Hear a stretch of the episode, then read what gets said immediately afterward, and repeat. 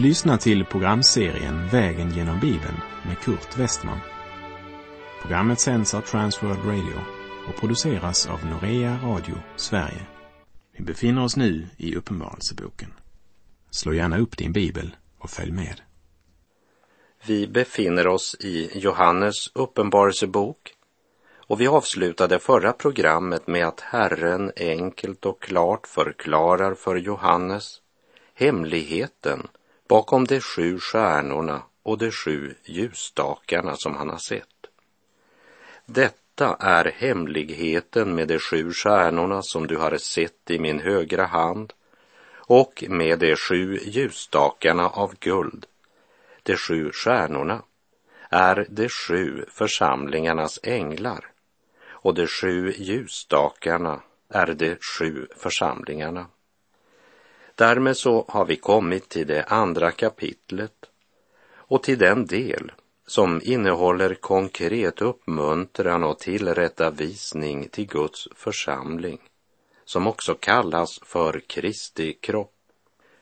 Kristi kropp, som Kristus älskar så högt att han utgav sitt liv för dess eviga förlossning. Och Uppenbarelsebokens andra kapitel börjar med att tala om att budskapet vi nu ska få del i är ett budskap från honom som håller de sju stjärnorna i sin högra hand. Han som går omkring bland de sju ljusstakarna av guld. Och det första budskapet är till församlingen i Efesus. Så det finns alltså två Efesierbrev. Det ena skrev Paulus till församlingen i Efesus. Det andra brevet, det är ett brev från Herren Jesus Kristus själv, förmedlat genom Johannes. Och den som har läst Uppenbarelsebokens budskap och känner de sju församlingarnas historiska öde kan inte annat än instämma med Sir William Ramsay som sa han som skrev de sju breven till de sju församlingarna hade varit där och kände till de lokala förhållandena. Han visste vad han talade om. Budskapet har dels en konkret betydelse för sin samtid, vars uppfyllelse var ganska nära förestående. Samtidigt så har var och en av breven något att säga till alla församlingar till alla tider. Det vill säga när du läser brevet till Smyrna eller Pergamus så har det ett budskap både till din församling och till dig personligen. Och genomgångstonen är den som har öron må höra vad anden säger till församlingarna en oerhört stark uppmaning att verkligen lyssna till detta budskap och att ge akt på dess innehåll. Efesus, det var en stad med cirka 200 000 invånare med en mycket stor friluftsteater där det var plats till cirka 20 000 personer. Och under den romerska perioden så växte Efesus i välstånd och makt. På det religiösa området så florerade kejsarkulten. Flera romerska kejsare fick efterhand sitt tempel där. Hit kom romerska regenter för att vila och för att förlusta sig. Efesus, en stad med sjunkande moral och den vinrika trakten omkring staden bidrog till att främja dryckenskapen. Efesus var huvudstaden i mindre Asien. Sannolikt också huvudstaden i hela den östliga delen av det stora romerska imperiet. Efesus var alltså staden nummer två efter Rom. Genom nästan 2500 år så var Efesus en av världens största städer. Och Efesus det var den stad där Paulus verkade längst. Så i Efesus hade man alltså fått mera bibelundervisning av Paulus än någon annan av de församlingar som han besökte. Under sin tredje missionsresa stannade Paulus en längre tid i Efesus, där han i Tyrannus skola bland annat höll dagliga föredrag i två års tid. Via Efesus nådde evangeliet utöver hela Asien. Och från vår vandring genom Efeserbrevet vill jag bara påminna om att Efeserbrevets två nyckelord är nåd och frid. Det kan vara bra att ha med i våra tankar när vi nu ska läsa vad Herren Jesus har att säga till den här församlingen och även påminna varandra om att en dag är för Herren som tusen år och tusen år som en dag. Så Uppenbarelseboken är ingen resplan med vilkens hjälp nyfikna människor kan fastställa dato eller tid för världens ände. Det är först och främst ett tröstens budskap till de troende. Ingen av oss känner dagen, men de olika tidstecknen varslar att tidpunkten för Kristi ankomst närmar sig. I Lukas 21, vers 29 står det. Han gav dem också en liknelse. Se på fikonträdet och alla andra träd. Så snart ni ser att det knoppas förstår ni av er själva att sommaren redan är nära. När ni ser att detta händer vet ni på samma sätt att Guds rike är nära. Låt oss ha klart för oss att det är Guds ord som förkunnar för oss att vid tidens slut skall Jesus komma åter. Och medan vi väntar förkunnar vi den Kristus som blev korsfäst för våra synder och som uppstod för vår rättfärdiggörelses skull, som det står i Romarbrevet 4.25. I Efeserbrevet skriver Paulus till de heliga i Efesus, det vill säga de som hört evangeliet, tagit emot kallelsen och omvänt sig från sina synder och avskilts för Herren. Och när vi vandrar genom Uppenbarelseboken så är det viktigt att vi om och om igen påminner varandra om att budskapet presenteras i form av bilder, vilket är mycket viktigt att komma ihåg. Uppenbarelseboken talar om vad intet öga har sett och örat inte hört och människohjärtat inte kunnat ana vad Gud har berett åt dem som älskar honom, som det står i Första Korinthierbrevet 2, vers 9.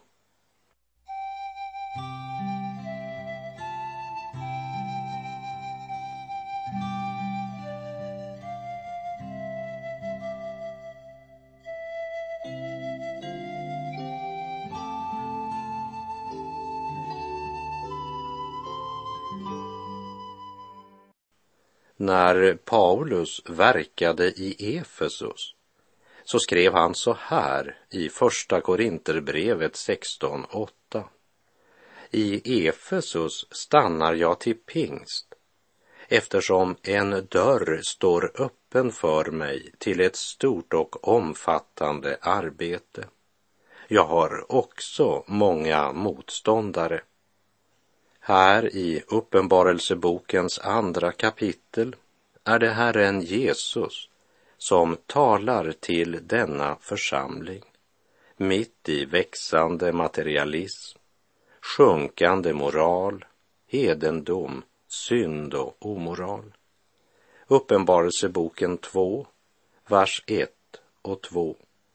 Skriv till församlingens ängel i Efesus så säger han som håller de sju stjärnorna i sin högra hand, han som går omkring bland de sju ljusstakarna av guld. Jag känner dina gärningar, ditt arbete och din uthållighet.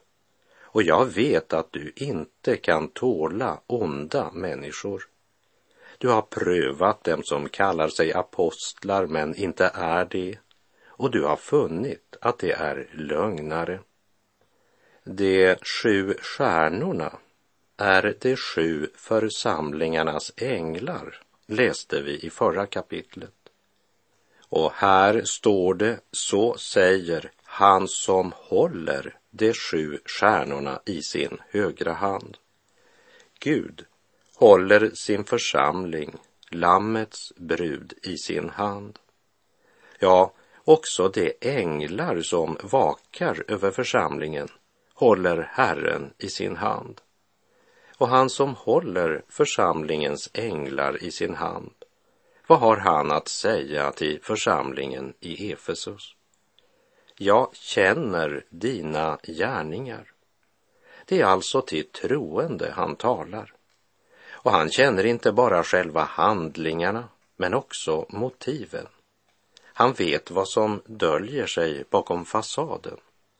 Samtidigt vill jag påminna om att Herren här kommer med ett positivt erkännande. Han säger att de goda gärningar som utförts i Efesus har Herren registrerat. Och han börjar med att göra klart för församlingen att det de har uträttat, det har inte passerat obemärkt vid Guds tron. I brevet till Titus så talar Paulus om sådana som Titus försäkrar att de bekänner Gud men med sina gärningar förnekade honom. De är avskyvärda och olydiga, odugliga till varje god gärning. Men så var det inte i Efesus. De levde som de lärde. Och det känner Herren till. Jag känner dina gärningar. Så här skrev Paulus till de troende i Efesus i Efeserbrevet 2, vers 10. Ty hans verk är vi, skapade i Kristus Jesus till goda gärningar, som Gud har förberett så att vi ska vandra i dem. Gud har förberett dem, men det är vår uppgift att vandra i dem. Nåden fråntar oss inte ansvaret. I kraft av Jesu blod har Gud förlossat oss från all vår synd och skuld. Och denna förlåtelse blir vår av bara nåd. Och när vi lever i nåden blir en av frukterna goda gärningar. Jag känner dina gärningar, ditt arbete någon har sagt att arbete är livets balsam och dygdens källa. Vad är skillnaden mellan gärningar och arbete? Gärningarna växer fram i det hjärta som Herren får fylla. Du låter min bägare flöda över, säger David till Herren i den 23 saltarsalmen.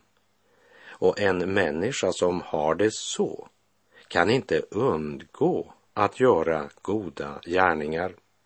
Arbetet, det är något som står som en motsats till utsvävningar, likgiltighet, bekvämlighet och slöhet.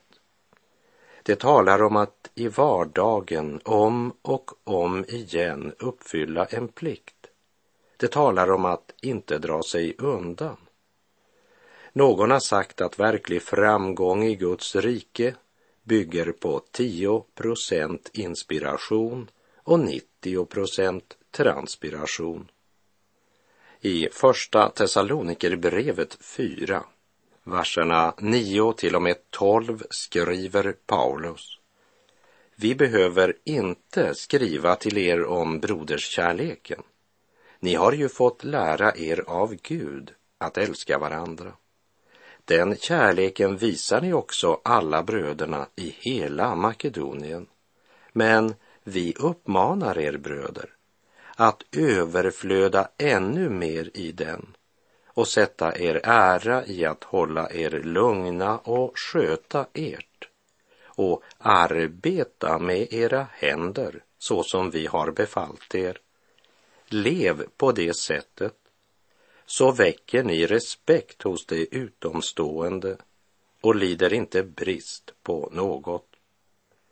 Och i Första Korinterbrevet 15, vers 58 skriver han Var därför fasta och orubbliga, mina älskade bröder, och arbeta alltid hängivet för Herren eftersom ni vet att ert arbete i Herren inte är förgäves. Herren kände väl till de goda gärningar som utförts i Efesus och han visste att de inte varit lata, drog sig inte undan ansvaret, varken i församling, hem eller arbetsliv. Och det handlade inte bara om en tillfällig insats efter en inspirerande möteshelg. Det handlade om trofast insats dag efter dag.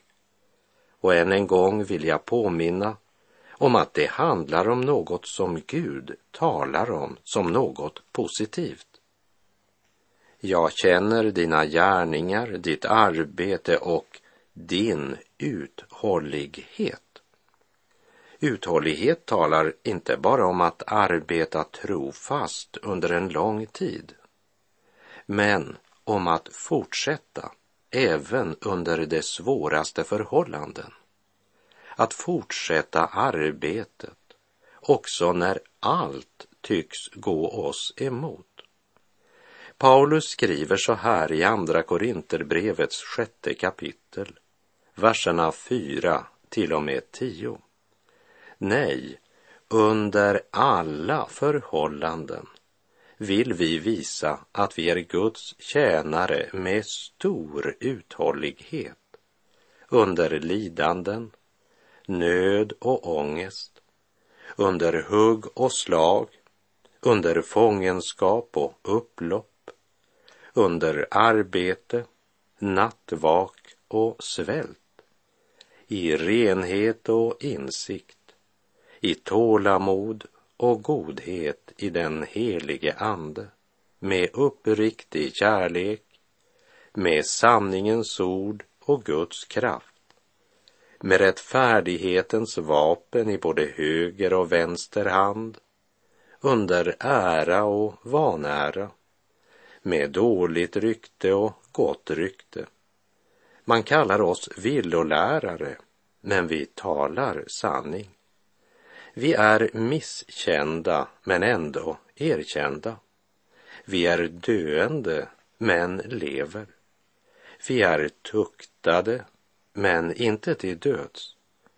Vi är bedrövade men alltid glada. Vi är fattiga men gör många rika. Vi är utblottade på allt men äger allt. Ja, det kan man kalla uthållighet. Och vi börjar ana något av vad som ligger i Herrens erkännande av församlingen i Efesus. Jag känner dina gärningar, ditt arbete och din uthållighet. Låt oss meditera över detta mäktiga erkännande en stund. Jag känner dina gärningar, ditt arbete och din uthållighet.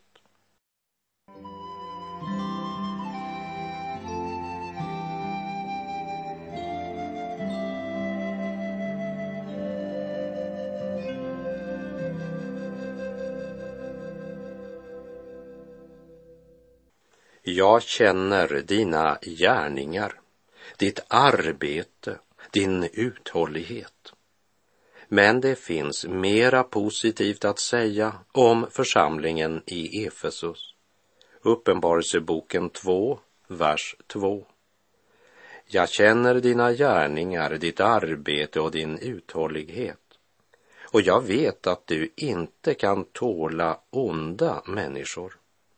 Du har prövat dem som kallar sig apostlar men inte är det och du har funnit att det är lögnare. Det finns ju många som nog säger ja till sanningen men som inte säger ett klart nej till lögnen för att eh, slippa stöta sig med andra människor. Men så var det inte i Efesus. Man kunde inte tåla det onda. Man kunde inte gå på kompromiss. Man var inte sådan att man anpassade sig efter vilket eh, sällskap man befann sig i. Man tog avstånd från det onda.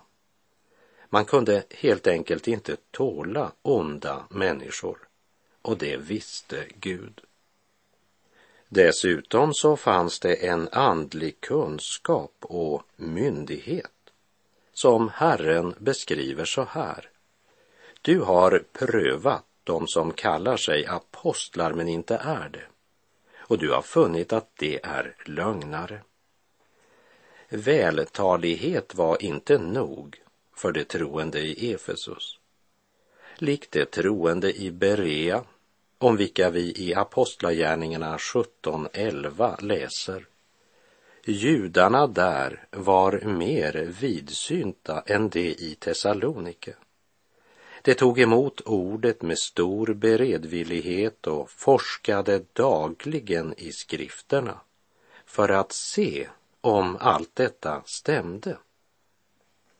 Judarna i Berea, det var alltså tänkande människor som tar sig tid, prioriterar och grundligt studerar skriften för att komma till klarhet om denne Jesus som Paulus förkunnade verkligen var den utlovade Messias att Paulus var både apostel och väl känd, det var inte nog för folket i Berea, utan de testade förkunnelsen och hans lära genom att själva grundligt studera Guds ord för att se om allt detta stämde.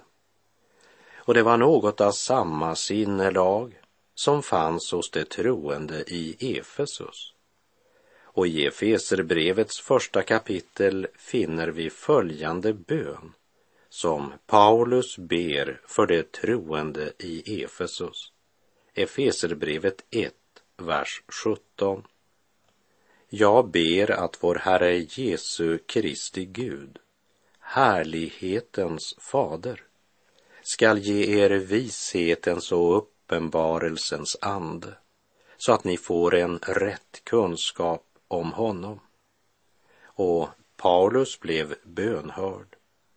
Och Herren själv stadfäster att det fanns en rätt kunskap om Gud bland de troende i Efesus.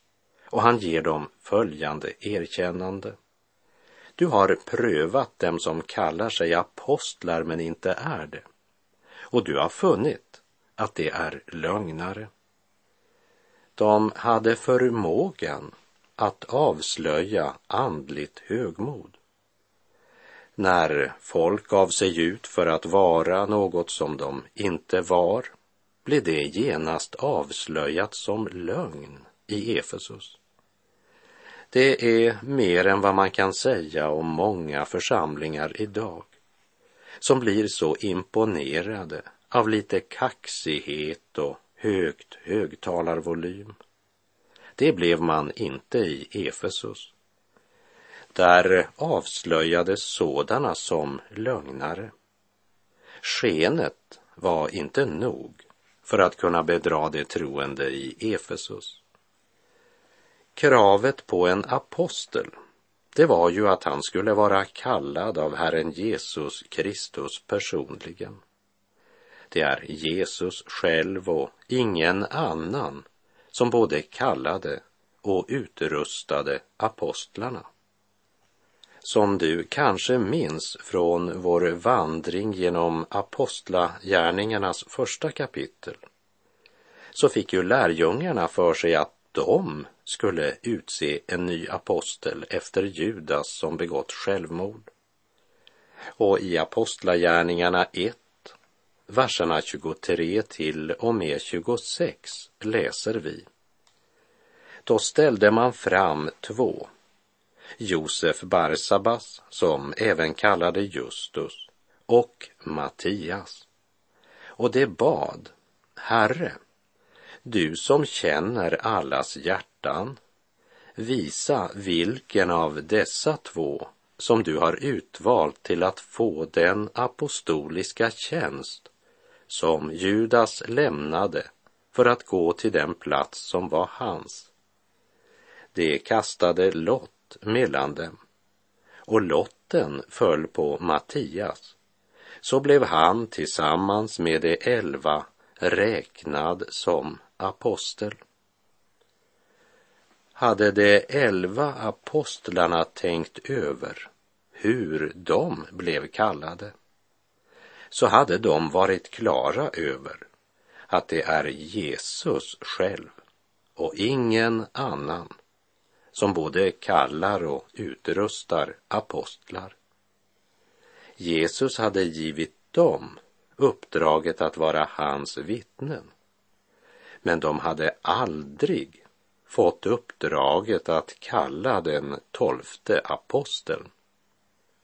Jag tror att det är viktigt att vara klar över att det finns inte något ord i Bibeln som uttalas av Mattias och inte heller ett enda ord om hans verksamhet. I Efesus blev falska apostlar avslöjade. Men det fanns mera gott att säga om de troende i Efesus, förutom allt det som redan sagts. Uppenbarelseboken 2, vers 3. Ja, du är uthållig och du har uthärdat mycket för mitt namns skull och har inte tröttnat. De hade inte tvekat för att var dag ta upp sitt kors. De förkunnade en korsfäst och uppstånden Kristus och de tvekade inte att betala det pris som var en del av livet i Kristi efterföljelse. Vilken församling! Det hade väl varit något att få tillhöra. En församling om vilken Gud själv säger jag känner dina gärningar, ditt arbete och din uthållighet. Och jag vet att du inte kan tåla onda människor. Du har prövat dem som kallar sig apostlar och inte är det. Och du har funnit att det är lögnare. Ja, du är uthållig och du har uthärdat mycket för mitt namns skull och har inte tröttnat. Men trots allt detta var det något viktigt som saknades. Något som de hade ägt den första tiden men sedan förlorat och som vi läser i vers 4. Men det har jag emot dig, att du har övergett din första kärlek. Men där är vår tid ute för den här gången, så ska vi se närmare på det i nästa program. Herren vare med dig. Må hans välsignelse vila över dig. Gud är god. Du har lyssnat till programserien Vägen genom Bibeln med Kurt Westman som sänds av Transworld Radio. Programserien är producerad av Norea Radio Sverige. Om du önskar mer information om vårt radiomissionsarbete så skriv till Norea Radio Sverige, box 3419 103 68, Stockholm.